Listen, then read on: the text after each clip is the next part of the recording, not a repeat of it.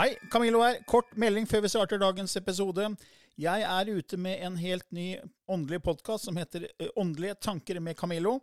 Du finner mer informasjon om den hvis du går til camilloloken.no skråstrek gratis. camilloloken.no skråstrek gratis. Der er det også overraskelser til deg som er fast lytter av mine podkaster.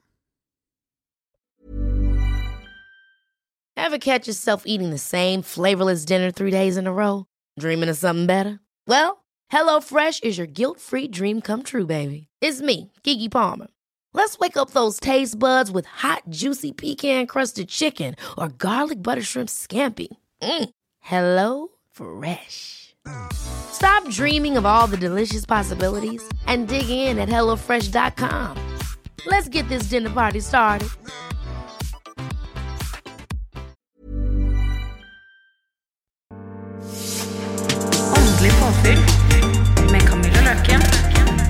Og Kim Are Stende. Hei og velkommen til første episode i vår podkast Åndelig påfyll hver tirsdag med klarsynte Kim Are Stende og undertegnede Camillo Løken. Ja, Kim Are, vi har gleda oss av det her. Ja, det her blir kjempeartig. Ja, eh, altså Mange lurer kanskje på ja, hva skal denne podkasten handle om. Og nå er Det jo sånn at eh, det er jo sikkert noen som kjenner til både deg og meg fra tidligere, fordi du har jo vært gjest i min andre podkast, som jeg lager sammen med Lilly Bendriss. Ja. Eh, Jeg tok jo initiativ til podkasten Ånd og vitenskap allerede i 2019. eh, Og spurte Lilly om hun ville være med og lage den, og så sa hun ja. Og så satte vi i gang april 2020. ja. Og i løpet av alle de episodene vi har hatt, så har du vært med en del ganger som gjest. Ja, det har jeg. Det har vært kjempeartig. Jeg syns det har vært veldig veldig moro å få lov til å være med. Ja, og En av grunnene er jo også at du har kommet tilbake, er fordi lytterne syns det har vært veldig spennende å høre på det du har å komme med. Fordi du har jo vært klarsynt hele livet. Det har jeg. Og tenkte jeg, ok, Istedenfor at du skal være sånn regelmessig gjest i Ånd og vitenskap, så tenkte jeg at det hadde vært gøy at du og jeg laga en egen podkast hvor, hvor vi kunne høre dine vinklinger på forskjellige temaer innenfor det ikke-fysiske. Ja. Og det er jo eh, Jeg syns dette er veldig moro. Og det å få lov til å formidle, det er jo en av de beste tingene. Ja, det er jeg helt enig i. Der, eh, er vi helt på, på bølgelengde. Eh, For nå, nå er det jo sånn at eh, Vi har jo dekka en del temaer i ånd og vitenskap. Men det er ingen som sitter på fasitsvar på noen ting, Nei, mener vi. Og, da, og Derfor er det så fint å få forskjellige input og forskjellige vinklinger på, på mange temaer som kanskje, da, kanskje folk har vært borti før. Men så er det sikkert en del av lytterne som kanskje ikke vet hvem vi er, som ikke har hørt på noe vitenskap, som er nye til denne podkasten. Da tenkte jeg at vi kunne kanskje si litt om hvordan vi starta med, med å være interessert i den ikke-fysiske verden og opptatt av det åndelige. Så, så vær så god, Kim Ari. Jo, takk. Hvem er du, og hvordan, hvorfor jobber du med det ikke-fysiske åndelige? Det er alltid like kleint å prate om seg sjøl, ikke sant? Ja. Eh, Men jeg har jo vært eh, holdt på å si sånn klarsynt siden jeg var liten. Mm. Og jeg har alltid brukt eh, de evnene da, for mamma å være klarsynt. Mm. Og jeg husker eh, Jeg kan ikke ha vært mer enn sånn fem år gammel, eller noe sånt nå. Og da kommer jeg til mamma. Mamma ligger tarot, da, vet du. Tarotkort, ja. Ja. Eh, og så sier jeg at eh, du, nå må jeg få se djevelen, for nå er det så lenge siden jeg har sett den. så det har på en måte alltid vært der, da. ja. Um, Margit Sandemo og mamma var veldig gode venninner da jeg var liten, så de hadde sånne heksemøter da i gåsøgne. ja. Vi ville kalt det utviklingssirkel kanskje i dag, ja. men de hadde da heksemøter, hvor de gjorde sine åndelige ting. Og sånn har det på en måte bare fortsatt hele veien. Ja, for, du, for mange, altså Alle barn mener jo vi har åp, altså er åpen eh, når de kommer inn i det livet her. De kommer med alle intuitive evnene åpne. Ja. Eh, altså Telepati, og det er klarsynthet, det er klarviten, klarhørt. altså Alle disse evnene som, som man hører visse mennesker har i, i voksen alder. da. ja. Eh, men så stenger jo mange barn av, eh, spesielt kanskje seks-syvårsalderen, når det analytiske sinnet begynner å ta form. ja. Og det handler mye om å passe i nå. Ja, At når du, når du kommer i den alderen, så er vi så opptatt av å skal være, være med venninna vår eller kompisen vår. Og den liker Pokémon, og den liker Barbie, og den liker Paw Patrol. Og det blir viktigere for oss å på en måte eh, finne flokken vår. da. Ja. Men du, du, du fortsatte jo. Du stengte jo ikke av. Men det er jo fordi at du da hadde, helt klart hadde en veldig åpen mor, så en åpen sinn, Ja. som eh, egentlig eh, for, lot deg fortsette og ikke stengte deg. For mange foreldre stenger jo av barna sine også. Ja, det gjør de. For eh, barna får ofte høre at nei, dette her er Nei, sånn snakker vi ikke om, eller dette er fantasi, eller du har en fantasivenn. Ja. Er, det er ikke alltid en eh, fantasivenn. Noen ganger så er det rett og slett guidene som kommer og, og prater. ja, eller kanskje avdøde slektninger. Ja. Fordi Jeg vet jo flere historier av mennesker som har sagt at man har sett, at barn har sett da skikkelser. ikke sant? Sett, eh, Oi, det er en gammel dame som svever i taket. Mm. Eh, slutt å tulle. Det er ingen der. Mm. Og når barna hører det nok ganger, og så blir eldre, så stopper, da denne, stopper de evnene. da. Ja. Og det, og det gjorde det ikke med deg, så du fortsatte jo akkurat som Lisa Williams. fikk jeg høre. Hun var også sånn som ble Ja. oppmuntret til å fortsette med evnene sine. så Det er jo fantastisk. ja. Eh, Gordon Smith, Lisa Williams, Colin Fry. Mm. Eh, alle disse har vært sånn siden de var små. Da. Mm. Eh, og det å på en måte ta vare på det og behandle det som en gave fordi det er det det er, Mm. mener jeg. Jeg mener det personlig. Men du, for deg så var det helt naturlig, da? Ja. Du har aldri vært redd for, for det som har kommet? Nei, aldri vært redd for det som har kommet, men eh, ting jeg ikke husker da, fra jeg var liten, og ting jeg har blitt fortalt etterpå, Mm. så var jeg redd noen ganger. Ok. Men det skjedde så eh, fysiske ting Mm. i det huset vi bodde i. Det var rett og slett utrivelig å være der. Ok, Det var rett og slett fysisk? altså det var ja. At det flytta seg? Ting. Ja. Eh, jeg og søstera mi vi satt eh, på kjøkkenet en gang, Ja, eh, og så begynner kjøkkenbenken å hoppe. ja såpass, ja. Eh, og det her var den delen av eh, kjøkkenet som på en måte, det var ikke noe rør, ingenting under den vasken. Det var bare en helt vanlig liten sånn kjøkkenbenk som sto ved siden av komfyren. Ok. Og den hopper og spretter og hopper ut på kjøkkengulvet. Ja. Og fortsetter å danse. Og jeg og søstera mi sitter og ser på det her og bare tenker Hva skjer nå, da? altså, det var sånn dagligdagse ting, da. Så det ble ganske slitsomt i det huset. Ja, det, altså, akkurat det du snakker om nå, er jo eh, Det har jo Lilly snakka om også når vi har hatt ånd, eh, ånd, ånd og vitenskap og åndenes makt. At det har skjedd veldig mye sånn eh, som ikke er kommet på selve episodene. da. Og også programleder. Jeg husker jeg snakka med han programlederen eh, som, på Åndesmakt, eh, ånd, som også hadde sett ting som han ikke trodde var mulig. At gjenstander går gjennom lufta. ikke sant? Ja, ja, ja. Så, så, det, så det er jo Jeg kan godt forstå at det kan bli slitsomt eh, etter hvert. Ja. Men etter hvert så, men eh, det var, jo, det var jo på en måte uansett en veldig spennende, spennende å ha disse evnene. da. ja, jeg har jo alltid på en måte vært litt avhengig av det òg. Fordi at eh, alle mennesker tenker forskjellig. Og vi oppfatter informasjon på forskjellig måte. Eh, ingen av oss er like. Min hjerne er annerledes enn din. Sånn er det bare. Ja. Og hver gang jeg hadde en prøve på skolen, eller hva som helst, så var jeg avhengig av den intuisjonen. At den skulle fungere, ellers så fungerte jo ikke jeg. Og eh, kanskje litt sånn teit å si det, men jeg trengte jo aldri lese en eneste bok Nei. for å få gode karakterer på skolen, f.eks. Ja, for du fulgte intuisjonen din. ja, fordi jeg bare lytta til hva de hadde å si til meg. Veldig kjekt. Så for meg så ble det på en måte sånn Jeg kom ikke unna det. Altså, jeg kunne ikke Det var, det var så sterkt i deg at det her, det her måtte bare du lytte til. Ja, det er bare sånn det er. Ja. For meg så er det et faktum. Det er ikke noe man tror på. Nei. Det er bare sånn. Ja, for du har ikke hatt behov for å få bevis, sånn som jeg måtte hatt. da. Eh, For, du, du, for deg så er det bare sånn er det. Ja, sånn er det. Ja, så Det som vært din vei inn i den, den åndelige verden, har liksom vært veldig naturlig. Det har, du har egentlig vært egentlig bare aldri egentlig mange kommer jo inn fra, Vi mener jo at folk kommer fra den ikke-fysiske åndelige verden inn i den fysiske. Og når vi dør, så går vi tilbake igjen. Eh, Så for, for, for deg så det, liksom, det har liksom ikke vært noen forskjell. Det, liksom bare, det fortsetter bare. Det bare fortsetter. Og det, Man sier jo det at den fysiske verden er en forlengelse Ja. av den ikke-fysiske. Eh, Men i motsetning til deg, da, så måtte jo jeg, for de som ikke kjenner meg fra før, så måtte jo jeg ha bevis, for jeg var jo ateist i 40 år. Eh, Og jeg vokste opp i en, en akademisk familie. Og der ble fortalt eh, ganske i ung alder at eh, livet er egentlig tilfeldig. Det er flaks at det er liv på den planeten her. Det er perfekt avstand fra sola, så vi ikke smelter og vi ikke fryser i hjel. Eh, og og det, alt er bare tilfeldig. Og for å kunne få et greit liv i dette ene tilfeldige livet, så må man bare bare gjøre så godt man kan på skolen, få gode karakterer og bruke de for å få seg en akademisk utdannelse eller en yrkesmessig.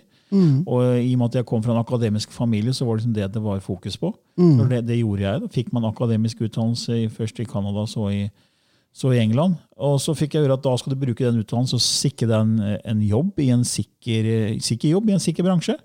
Og så skal du bli der og stå på og håpe at folk sier at du er flink, og så kan du klatre karrierestigen, og så holder du på sånn dag ut og dag inn. I uke til uke, måned til måned og år etter år helt til du blir pensjonist, for da kan du gjøre hva du vil, for da er du som kommet i mål. Ja. Og det, det, er, det, er, det er den oppskriften mange faktisk vokser opp med den dag i dag. Ja. Og det syns jeg er veldig trist, fordi for meg da, så handler livet om å leve. Jeg er ikke født for å bare jobbe. Nei. Sant? Altså, det er stor forskjell på det å eksistere og det å leve. Ja. ja det er jo for, fordi det var, jeg følte jo at jeg måtte jo gjøre det for å få et bra liv, så jeg gjorde jo det jeg hadde blitt fortalt. eh, At vi har bare det ene livet, så da må jeg være flink på skolen. da. Så jeg var flink på skolen, og så fikk jeg en god jobb. Så jeg endte opp å jobbe i en veldig sikker bransje, altså legemiddelbransjen, og var der i mange år. Og så kom dette behovet for å finne ut mer om hvem jeg var i en alder av 40 år. Mm. Jeg fikk, det var faktisk en, en kollega som døde i en veldig bisarr ulykke. Jeg har aldri hørt om noen som har dødd på den måten eh, før. Og det var veldig rart. Eh, Jeg skal ikke gå inn på det, hva det var, men det satte en støkk i meg. og Jeg husker jeg satt der i begravelsen. Eh, Og faren sa at det er jo ikke meningen at foreldrene skal leve lenger enn barna sine. Så brast han ut i gråt, og jeg gråt, og alle gråt. Og, og jeg, da begynte jeg første gang i livet mitt å tenke over liksom, er han nå borte for evig og alltid, eller liksom, er, er det noe mer? Og, og han var en sånn herlig positiv fyr i sånn midten av 30-åra, gift, tobarnspappa. Og så tenkte jeg, så uflaks å dø på den måten, og, stakkars barna som vokser opp uten pappa. Og så, er det her bare tilfeldig? Liksom, er det mening? Og så begynte jeg sånn. da. Så satte jeg liksom i gang nye tanker. Eh, Og så gikk det noen år, og så kom det bare mer og mer. Og da ble det en sånn, nesten en besettelse av å finne svar på fire store spørsmål. Hvem er vi? Hvor er vi kommer fra? Hva gjør vi på denne planeten? Og hva er det som skjer når vi dør? Og jeg ville ha bevis, og jeg, jeg følte at jeg har vært en form for en som skal bygge, bygge bro da, mellom den fysiske og ikke-fysiske verden gjennom å vise at det fins faktisk forskning. Selv om noen vil kalle det eh, kvasiforskning, eller ikke god nok forskning, så er det faktisk veldig etablerte forskere som drar verden videre og viser at det er på en vei mot et nytt paradigme. Ja. At vi nå innser at eh, universet er ikke mekanisk. Universet er ikke bare består av deler. Det viser seg mer og mer at universet er mentalt, at det er, en, at det er et sinn. Eh, og det er, altså det er jo ikke noe jeg finner på. Det er faktisk uh, mange forskere som sier det. En- En av de er jo dr. Robert Lanza, som, eh, som i 2014 ble kåra av Time Magazine, til en av de mest innflytelsesrike menneskene i verden. Og Han skrev en bok som heter Biocentrism, hvor han skriver at bevissthet var her først. Og For deg så er det sikkert helt naturlig. ja, for det er sånn jeg tenker. Eller føler, da. Ja. Så vi har egentlig hatt veldig forskjellige veier inn i, i den eh, åndelige verden. da. Veldig. Og du har jo aktive evner, mens jeg føler at eh, jeg føler ikke at jeg har en sånne evner som det er på en måte, men allikevel når jeg er i skogen, så føler jeg at jeg kommer mer i kontakt med essensen av den jeg er. da.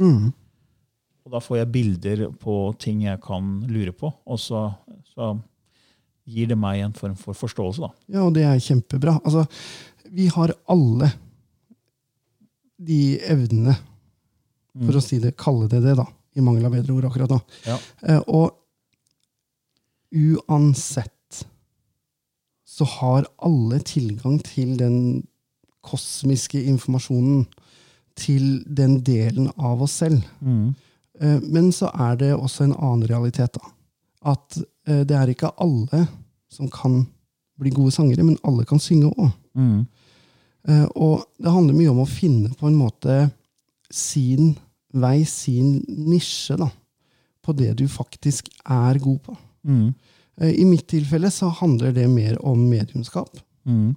Eh, Hos andre kan det være healing, f.eks. Eh, Hos andre igjen så kan det være klarsyn.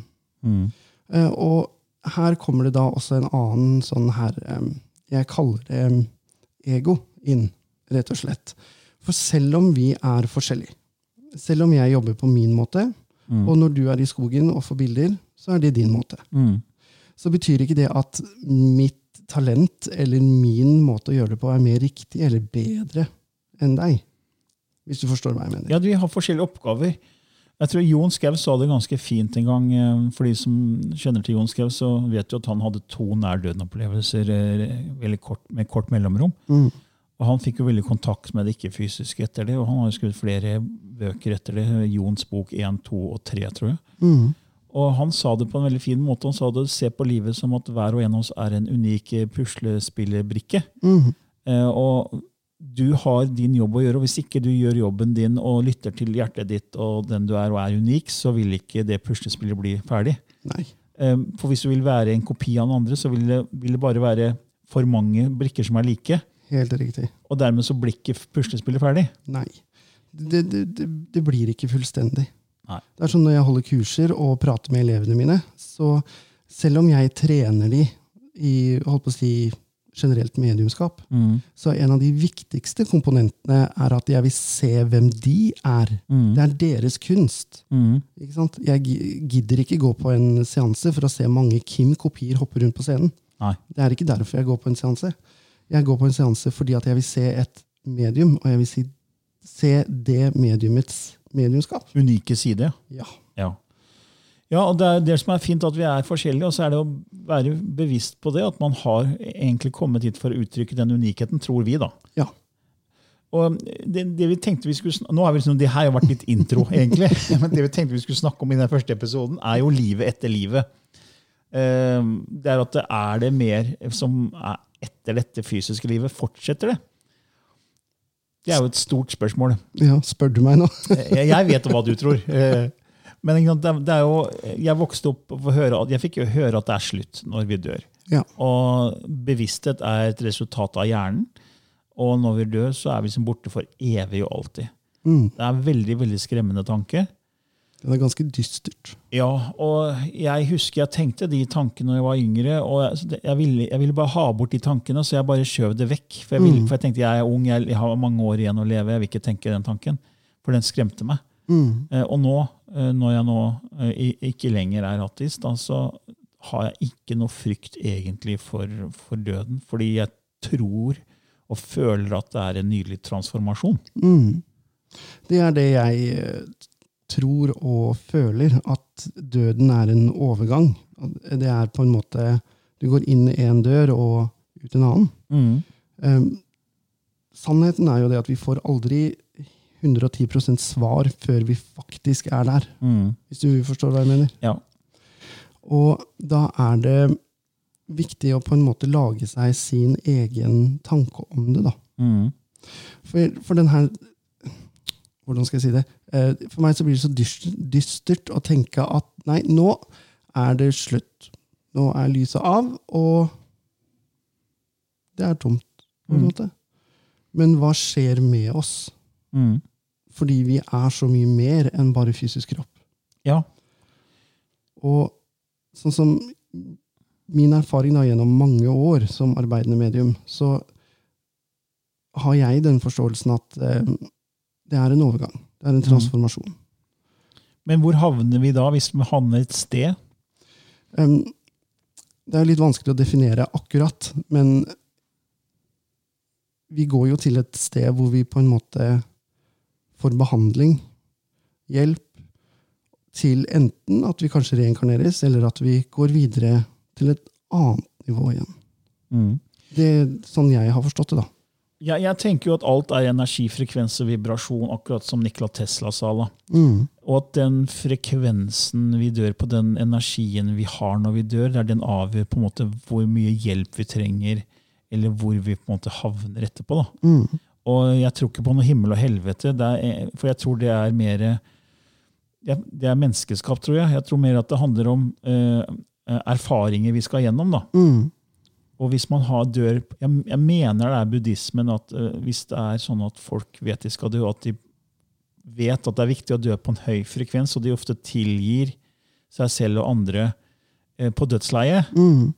For det frigjør en del lavenergi, eller lavfrekvens, da, Mm. som gjør at de kommer på en måte en høyere utvikling etterpå. Ja. Hva tenker du om det? Eh, altså, eh, sånn som Martin, da, min Martin, min guide, som kommer gjennom meg i transe, eh, sier.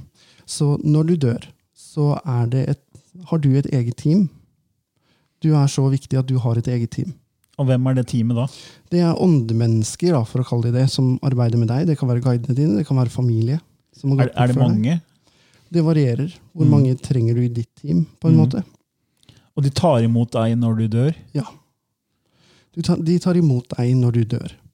Og de hjelper deg til å på en måte tilpasse deg da, den her eh, overgangen. Mm. Um, og da kommer jo da spørsmålet veldig ofte når jeg sier det her, om ja, men hva med de som går igjen etter seg? Ja, De som går igjen, ja. Ja, hva med de? Spøkelser, på en måte? Ja, spøkelser på en måte. Gjenferd, eller når det går igjen i hus. Ja. Um, så ble det her også spurt om, da. Uh, Til Martin, eller? Ja, til Martin, ja. Ja. Uh, og Martin sa det at noen ganger så går man seg litt bort på den veien. Eh, og du kan bestemme selv om du vil være med eller ikke. Mm. Sånn, Du har fri vilje selv der. Og um, noen ganger så vil man ikke gå videre fordi at man må Man føler man henger igjen av noe. Ja, fordi at man må inni seg selv være med familien sin, eller Ja. Det er noe som er uferdig, eller? ja, på en måte du kan si det sånn. Uh, og da står de fortsatt og venter til du er klar. Ok. Eh, problemet da blir jo at eh, energien blir så lav at det kan være vanskelig for dem på en måte å finne veien. Det er som å gå seg litt vill i en skog. da. Er derfor man trenger hjelp da, for å se lyset og komme i lyset. Ja, eh, og da kan man gjerne trenge et medium for å få, eh, for å få hjelp til å forklare den her ånden at du, det er ikke farlig. Og gå videre. Ja, og de som bryr seg om deg, de står og venter på deg. De tar deg imot. Men jeg har også hørt det at de som sørger veldig etter en, en, en avdød, da, en mor eller far eller søsken eller barn, at de, de holder eh, vedkommende sjel litt tilbake hvis den sorgen er veldig sterk. Det har ikke jeg opplevd. Nå snakker jeg ut av erfaring. Ja, ja, ja. Eh, Det er en tanke jeg på en måte aldri har tenkt heller, egentlig. Hm. Da fikk jeg noe å tenke på, Camilla. ja. Nei, for jeg vet ikke hvor jeg, det, var, det er en stund siden jeg, om jeg leste det eller hørte det, eller hva det var.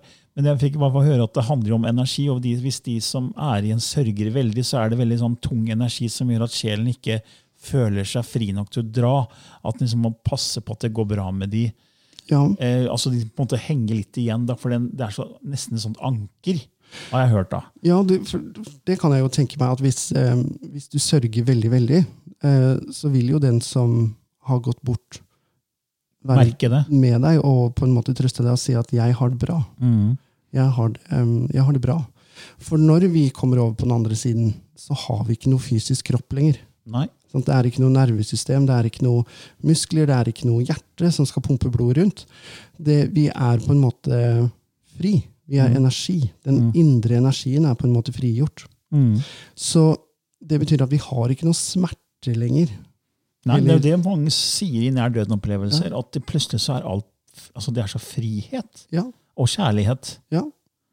Og det er, for det er det vi egentlig er skapt for å kjenne på. Men så kommer mye av den fysiske kroppen vår i veien. Men hva da med, med det her med Man har en slags eh, livsgjennomgang. Eh, jeg vet Michael Newton, som er, eh, skrev jo bøker om livene mellom livene, og var regresjonsterapeut Mm. i 40 år. Og hadde jo eh, mange tusen klienter som, som han tok tilbake til livet mellom livet. og Hvor de snakker om at de kom i en sånn life review, en livsgjennomgang i sånn 360 graders eh, Fikk se hele livet sitt i Mm. revy, på en måte. da. Ja. Eh, Hva har din erfaring med det? Har du fått noe informasjon fra Martin om det? Det har jeg, vet du. For det her blir også spurt om. Mm. Og da sa Martin at ja, Jeg kan ikke si at jeg klarer å sitere han helt riktig, fordi at dette her er gjenfortalt meg. da. Ja, ja, ja. Ikke sant? Ja, For du er jo i transe, Ja, så du husker jo ikke noe etterpå. jeg husker ingenting. Eh, så sa han at du må se gjennom ting, og du må forstå hva du har gjort. da. Mm. Hvis du har vært ordentlig dust mot noen, Ja. så ok, greit, du får kjenne på de følelsene. Mm. Eh, har du gjort noe veldig bra for noen, så ok, greit, du får kjenne på de følelsene. Mm. Eh, og dette her koker jo ned til en balanse. Mm. Sant? Vi er nødt til å ha en balanse eh, rundt oss. Eh, som jeg sier, vi er mennesker. Vi er ikke skapt for å være blide og hyggelige og imøtekommende hver dag fire timer i døgnet. Nei. Det går ikke. Kroppen vår er ikke skapt til det. Vi har hormoner og prosesser som, som gjør som de vil, som Mm. vi ikke har kontroll på, og som påvirker humøret vårt og hvem vi er. Mm. Um, men den bevisste forståelsen av det, Mm. det er det vi må møte Mm. og kjenne på. Og så har du jo de som selvfølgelig gjør bevisste slemme ting. da. Mm. Ja. Men er det sånn da eh, Hva med astralplanet? Det er jo også et begrep. Mm. At man har nedre astralplan, midtre, øvre, og at man eh, Det er et plan hvor man på en måte skal brenne ut egobehov. Mm. Har Martin sagt noe om det? Um, han har ikke prata så veldig mye om det astralplanet, eller han har i hvert fall ikke sagt det ordet på det. Eh, han sier at det er flere nivåer Ja. Eh, som, eh, som du på en måte beveger deg gjennom. ja. Eh, og dette her handler jo om på en måte å rense seg sjøl og, og på en måte bli eventuelt klar for en ny runde. da. Ja.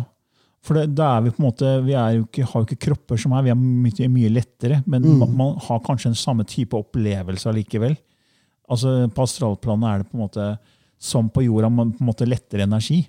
Ja, du vil jo mest sannsynligvis oppleve at du har en eller annen form for fysisk tilstedeværelse. da.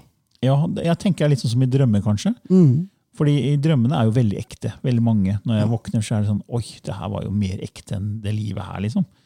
Uh, og jeg ser jo egentlig aldri kroppen min. Jeg kan aldri huske å ha sett kroppen min. Jeg ser jo alltid ut gjennom øynene, på en måte, og så, Mm. så er det veldig ekte. Jeg ser mennesker, og jeg ser bygninger, jeg ser jo andre. ikke sant? Mm. Uh, så jeg tenker at det kanskje er da litt sånn astralplanet kanskje er. Ja. Eh, det er jo der vi er når vi drømmer. Ja. Veldig ofte. Eh, I hvert fall i det man kan kalle nederste nivå. da. Ja. Vi, vi, vi mennesker vi, har en, vi er så komplekse vesener da. Eh, at den, det sinnet, eller den energien som er deg, Mm. inneholder så veldig mye. Mm. Og noen ganger så er vi bare nødt til å kvitte oss med de tingene. og Det er det som skjer da, når vi beveger oss opp gjennom disse her eh, lagene. Mm. For veldig mange av oss mennesker går igjennom store deler deler, klarer ikke prate heller, jeg altså. Eh, Går igjennom store deler av livet eh, hvor vi føler oss utilstrekkelig. Eh, vi har det ikke bra med oss sjøl, vi har det ikke bra med andre mennesker. Vi får angst, vi får depresjoner. Eh, og på en måte, vi, vi blir veldig avhengig av at ting skal fungere på en, viss måte. da. Mm. Hvis mennesker i seg sjøl hadde klart å innse at essensen av dem er en perfeksjon, så tror jeg veldig mange hadde fått det bedre med seg selv. Mm. Ja, for jeg tror mange sliter, og det jeg, har jo også jeg gjort, det her med at eh, vi er ikke gode nok. Det er veldig, på en måte, I i barndommen så, så skjer jo veldig mye. Vi blir veldig fort forma av det miljøet vi vokser opp i. Det er jo en forskningsgren som heter epigenetikk over genetikken. og at Vår oppfattelse av verden kan på en måte endre til og med kjemien vår. Mm. Og det vi hører fra foreldre og foresatte, og ikke minst det de gjør, og det, den energien de har, kan gå faktisk inn i barnet og blir en del av deres eh, underbevisste sinn. da, Mm. Og former oss. Og jeg tror mange sliter med at de ikke er gode nok. Ja. At de, jeg er ikke bra nok, jeg er ikke flink nok, jeg er ikke god nok. Mm. Og jeg vil bli likt, og jeg vil bli sett og hørt, jeg vil bli elsket. Mm. Eh, og og, og da, da tenker man jo ikke på at man egentlig er perfekt i utgangspunktet. Nei. For det, hvis man tenker ok, jeg er født her av en grunn, Mm. eh, og jeg, er, jeg skal være den jeg er, og jeg er god nok fordi jeg er unik, Mm. eh, så vil jo man få en annet syn på det. Men fordi verden utenfor oss prøver å få oss inn i et visst spor, at vi skal være, se sånn ut, vi skal ha slike jobber, vi skal ha sånn bil, sånn hus. Mm. Det er mye press i den ytre verden. Altså, jeg har jo alltid vært en, en forkjemper for å dempe støyen fra den ytre verden. Ja. Og den, eh, den støyen kan bli fryktelig, fryktelig høy. Jeg jobba en stund i barneskolen i, i, i Hønefoss, og eh, der så jeg så tydelig når barna på en måte begynte å forandre seg. Ja. Når de gikk ifra den her litt sånn bekymringsløse, litt lykkelige gutten til å bli den her litt mer Hvordan skal jeg si det? Reformert? Er det, er det et greit ord? Um, i, I skolen, da. Og det her skjer stort sett rundt 4.-5. klasse. Mm. Og jeg hadde jo disse her um, utskuddsbarna. Eh, de med ADHD, de som hadde litt sånn eh, ja, problemer på skolen. Men ved å rett og slett for min del da bare innføre noen helt enkle teknikker, som jeg kalte det fantasitid, vi ville kalt det veileda meditasjon, Ja, ja. eh, og bare få de til å glemme den støyen Mm. og alle de forventningene som på en måte verden har til dem, Mm. For, for et ADHD-barn Jeg er et ADHD-barn sjøl. Mm. Og den tilpasningen er fryktelig vanskelig altså mange ganger. Mm. Og bruke det her som et eksempel viser at når den støyen kan på en måte lukkes ute, Mm. så var det ikke noe problem. Nei. Jeg merka ingenting. Jeg hadde de, de, de roligste gruppene noen gang. Mm. Og foreldrene sa til meg at eh, hva har du gjort med disse? Han er så rolig når han kommer hjem. Men hva var det du spesifikt gjorde da? Nei, altså vi hadde sånn, Når det, nivået begynte å bli litt høyt, Ja. så sa jeg ok, nå skal vi ha fem minutter med fantasitid. Mm. Og da ba jeg de rett og slett bare sette seg ned, lukke øynene, og så sa jeg, så puster vi. Inn, og så puster vi ut. Og så kan du se for deg, hvor syns du at det er fint å være? Hva syns du er morsomt å gjøre? Mm. Og da fikk de lov til å sitte der da, og fantasere litt, og øh, snakke litt. Så du bruker energien på det indre istedenfor det ytre? Helt riktig. Ja.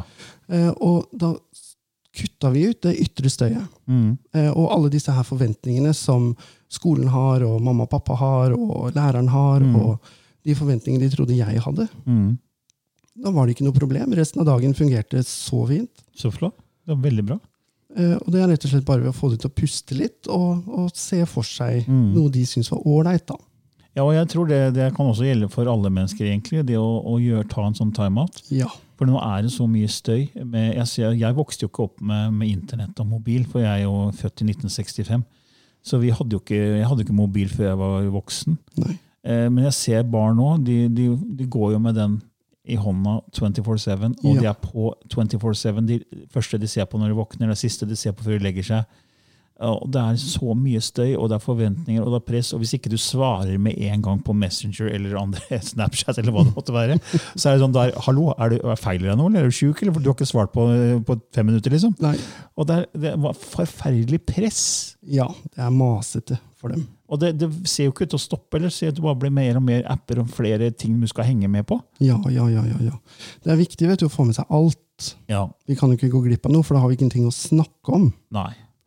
Det, det var faktisk et NRK-program for var et år siden, eller to år siden, hvor, hvor det var noen ungdommer som skulle prøve å være uten mobil en uke. Eh, Det var veldig interessant, for de fikk nesten abstinens de første dagene. Og Det var en fyr som satt på bussen og, uten mobil. Han visste ikke hvor han skulle se hen. Han hadde bare pleid å se ned i mobilen. Så han, han slet med hvor skal jeg se ut av vinduet, skal jeg se på folk, skal jeg se på gulvet, hvor skal jeg se hen? Og han måtte liksom jobbe med seg selv. da. Ja. Men etter en uke så syntes han det var deilig. Mm. Eh, Og det er noe med at eh, bare ta, det, ta, ta litt time out. Ja. Og da får man også mer kontakt med, med den indre verden. da. ja. Og jeg gjør jo det med skogen, der det har jeg forfekta mange ganger, og, og snakka om at kom, kom, har man tilgang til skog, kom seg ut i naturen. Absolutt.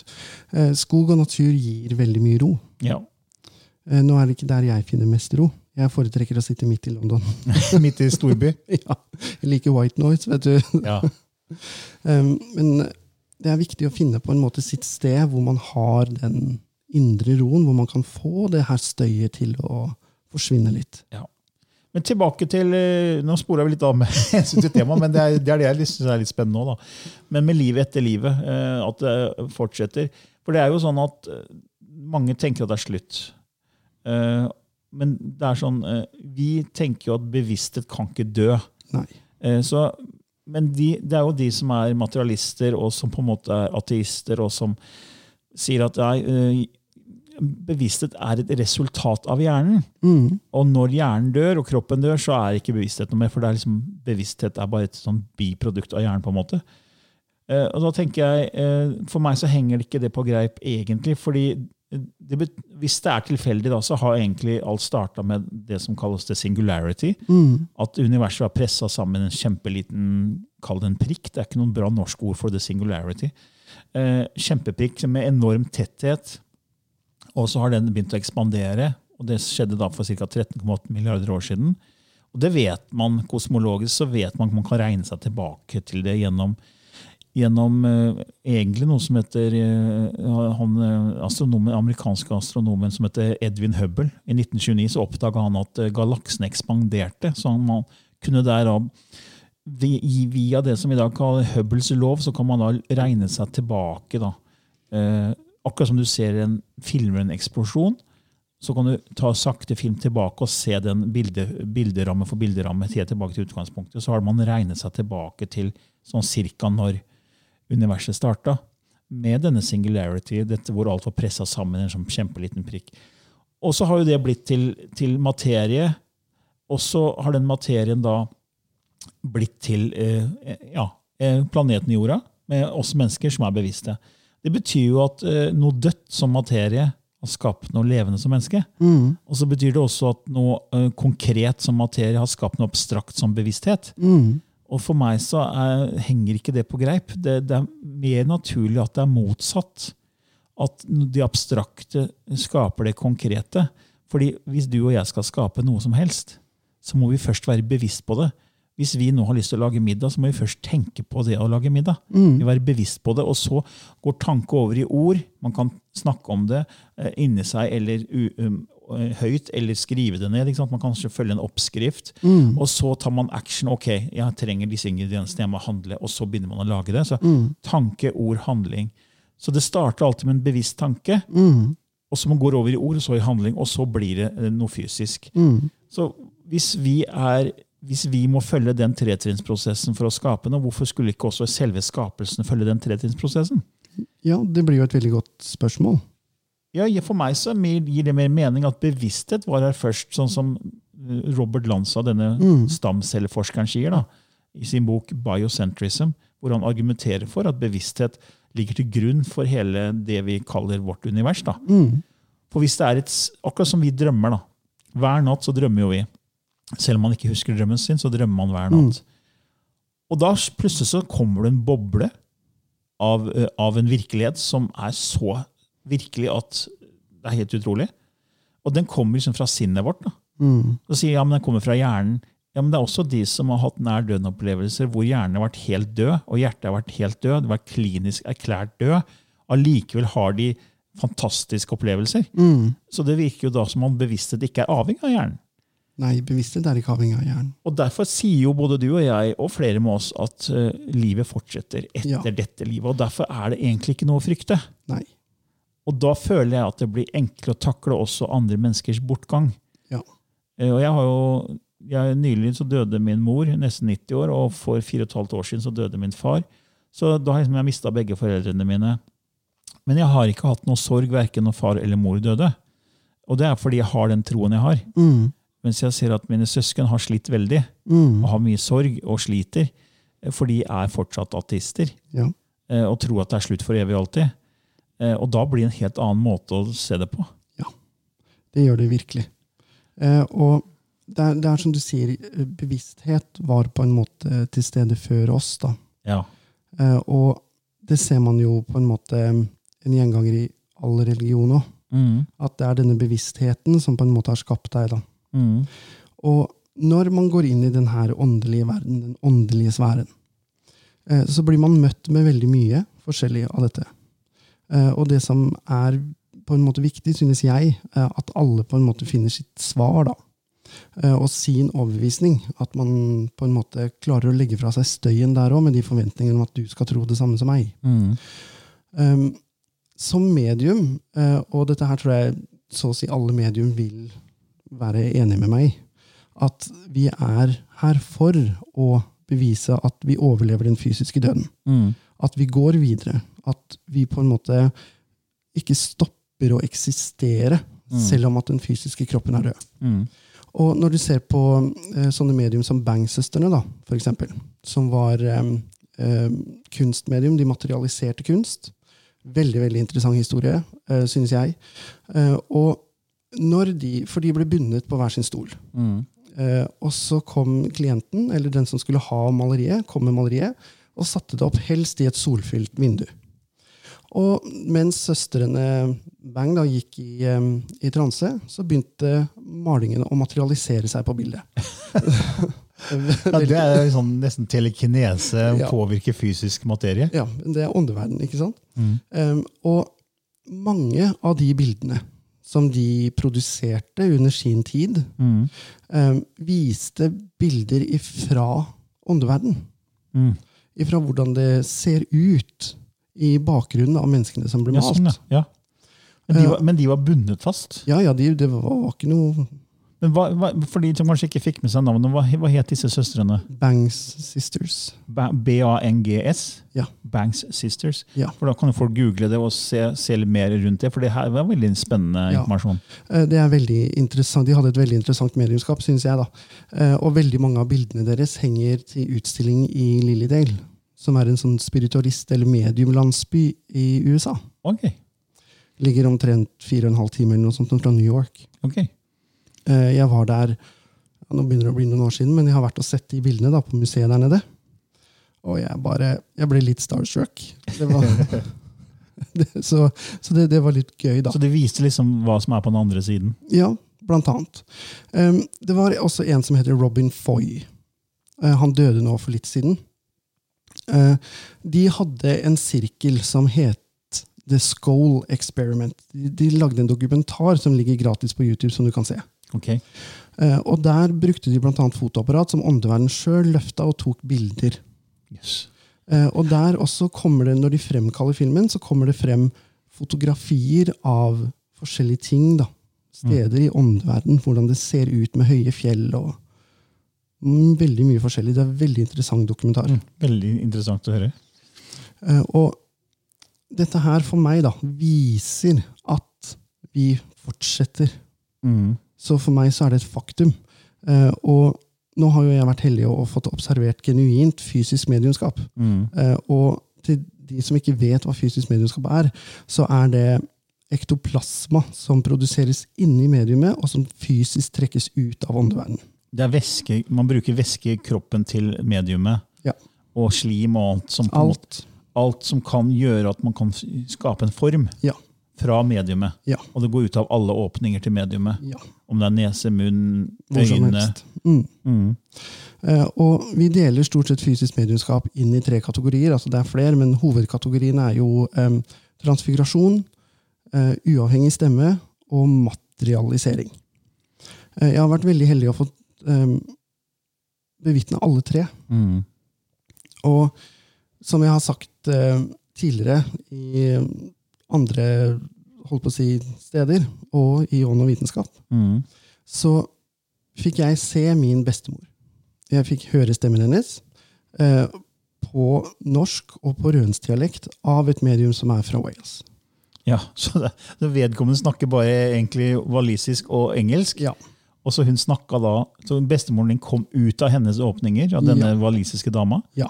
og materialiserte seg. ja, og lagde en maske over ansiktet hennes. Eh, og jeg fikk helt tydelig se min bestemor. Og når du er fra Wales og snakker engelsk og Walisisk, ja. så kan du ikke rønsdialekt. Det, det, det, det går faktisk bare ikke det. Eh, For den, eh, vi snakker ganske bredt der oppe, for jeg er jo fra Valdres, egentlig. ikke sant? ja. Um, Og vi snakker ganske bredt. Og det hadde du ikke fått til, ved mindre du på en måte Da må du ordentlig ha hørt det. Så du fikk både se og høre bestemoren din. Ja. Så det er jo et ganske sterkt bevis. Ja. Fordi hvordan kunne denne mediumet fra Wales klare å snakke den dialekta? Og hvordan kunne du klare å se at bestemoren kom ut av mediumets åpninger? Mm. Det er ganske utrolig. Ja. Og det er, det, det er, det er liksom synd at ikke flere kanskje snakker om det og får det her ut. da. Fordi det jo, det blir så kontroversielt. ja. Eh, Men så er det såpass sterkt bevis på at det er noe som fortsetter på den andre siden. Ja, eh, det er det. Eh, Problemet med fysisk mediumskap er at det er veldig mange som jukser med det. Ja. Eh, Og Det er derfor jeg sier at jeg har vært så heldig å fått oppleve genuint medium, nei, fysisk mediumskap. Mm. Um, og den her juksinga, den, det, vet du jeg blir så sint.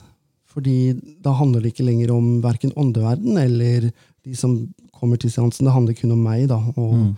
og det jeg får ut av det, gjerne penger. Veldig mange tar veldig mye penger for sånne seanser. Mm.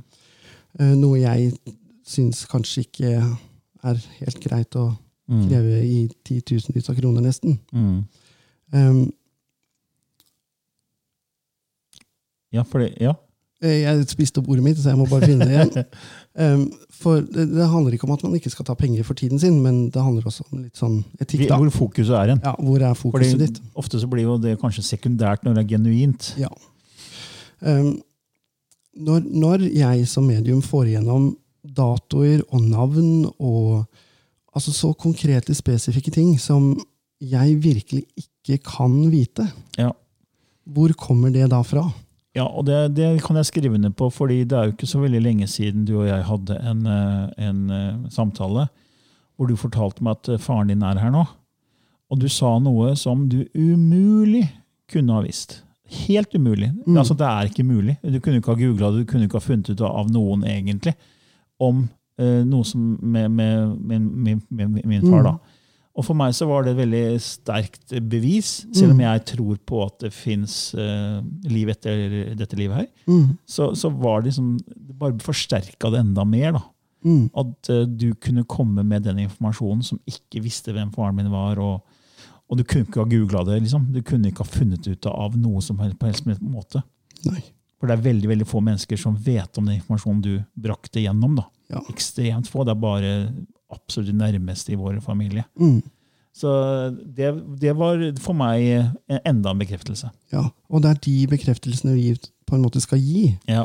Sånn at du kan være trygg på at du ikke trenger å være redd for døden. Ja. Fordi at det som skjer når du dør, er en overgang til noe som blir en annen opplevelse. da. Og det gjelder jo også når man mister noen. ikke sant? Og det er veldig vondt å miste et barn, for Mm. eksempel? Og mange sliter jo veldig med det. Eh, Men da, da er det jo veldig så Hvis man tenker som oss, da, Mm. så er det en- på en måte en trøst i det å vite at det fortsetter. Mm. Og at vi kommer til å møte den igjen. Mm. Og det er det som er litt i budskapet med denne episoden her. at eh, Ikke frykt døden, på en måte. Ja. Det er, eh, det er ikke noe å frykte. Og det, for hvis, hvis man begynner å bli redd for døden og, og tenke mer på det, så, så begynner det å prege ens liv. da. ja. Og jeg må, jeg må ærlig innrømme at jeg fikk et mye rikere liv når jeg ble åpen for den åndelige verden. Mm. Jeg føler at uh, når ikke jeg er redd eh, for eh, altså Jeg tenkte jo ikke så mye på døden før, men etter hvert som jeg har blitt eldre, så, har jo det, så mister du liksom, foreldre, du mister til og med mista venner på, på min alder og, og yngre. ikke sant? Mm. Og så gjør du deg noen tanker. Og, så, og hvis jeg ikke hadde hatt de, den åndelige tilnærmingen, så hadde jeg jo sikkert blitt mer redd. Ja.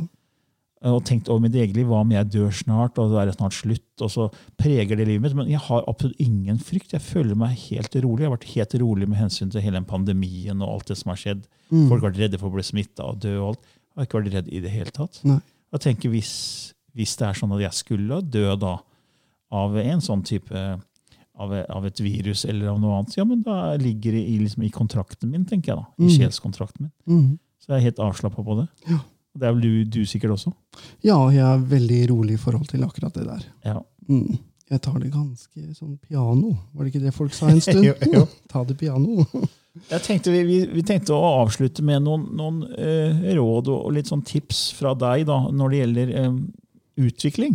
Fordi eh, mange som kontakter både deg og meg, er interessert i å finne hvordan de kan utvikle seg selv og få mer åpenhet mot den åndelige verden og, og aktivere sine intuitive evner. Så vi tenkte at på slutten av hver episode at vi skulle komme med tips, eller du skulle komme med noen tips da, som har jobba med det her så lenge. Du har vi jobba med i 37 år. Ja, 36 i hvert fall. 36 år. Nå legger du på et år her. Jeg blir 37 til i juli, da. Ja, ok. Um, men en av de viktigste grunnteknikkene som vi bruker uansett, og som på en måte har vært med i mediumskap og klarsynthet og healing helt ifra starten av, Mm. er det vi kaller å sitte i kraften. Mm. Eh, teknikken er veldig, veldig enkel. Okay. Eh, og det handler rett og slett om at du setter deg ned, eller legger deg ned. Jeg er lat, så jeg ligger i senga når jeg gjør dette her. Um, og puster.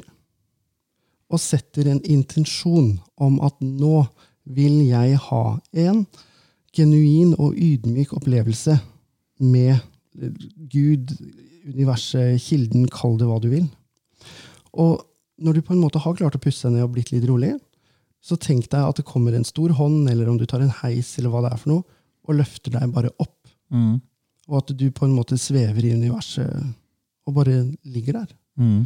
Og så lar du energiene og, og sinnet ditt få lov til å gjøre det som Da slapper du av å gi tillit, på en måte. Ja. Ja. Og gjøre det som du på en måte, det som de vil, og det som sinnet ditt tenker at dette er bra for deg. Så det er kanskje greit å gjøre når man skal legge seg om kvelden. da. Ja, veldig fint å sovne i det. Mm. Mm. Um, Så det er bare å ha en intensjon Ja. om at man skal få en unik opplevelse med kilden, kraften, Mm. eh, Gud, hva du vil kalle det. ikke sant? Og så bare se for seg selv at man går opp, Ja. blir tatt opp og hentet opp. Eh, Ja. Man bruker seg, som du sa, eller man blir løftet opp av, en, av Guds hånd. Eller, Mm. Og at man er, er i den energien. Ja. Det er grunnsteinen Mm, okay. for et godt mediumskap, i hvert fall. Mm. Uh, og spesielt for mediumskapet vi kaller for psychic art. Hvor vi, Sacred art. psychic, Psychic art, ja, Ja. hvor vi tegner avdøde. Mm. Uh, det er utrolig morsomt mediumskap. Um, den grunnteknikken der gjør at du på en måte blir mer i harmoni med energiene rundt deg. Og du får den her frekvensøkningen som du mest sannsynligvis sårt trenger. Mm. Um, jeg merker det sjøl i de periodene hvor jeg slurver unna. Mm. Jeg blir sliten og litt sånn grumpy, liksom. Og så begynner jeg på'n igjen, og så løfter det meg. Så det er noe man kan egentlig bare venne seg til å gjøre hver kveld? da. Ja. Eller hver, både kveld og morgen, for den saks skyld? Ja. For de som har lyst til det. Mm.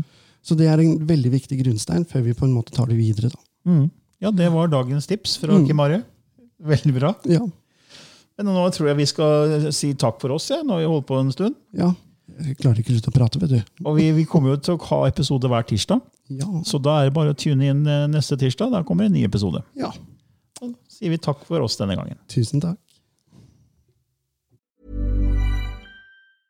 Mom deserves the best, and there's no better place to shop for Mother's Day than Whole Foods Market. They're your destination for unbeatable savings, from premium gifts to show-stopping flowers and irresistible desserts. Start by saving 33% with Prime on all body care and candles. Then get a 15-stem bunch of tulips for just $9.99 each with Prime. Round out Mom's menu with festive rosé, irresistible berry chantilly cake, and more special treats. Come celebrate Mother's Day at Whole Foods Market.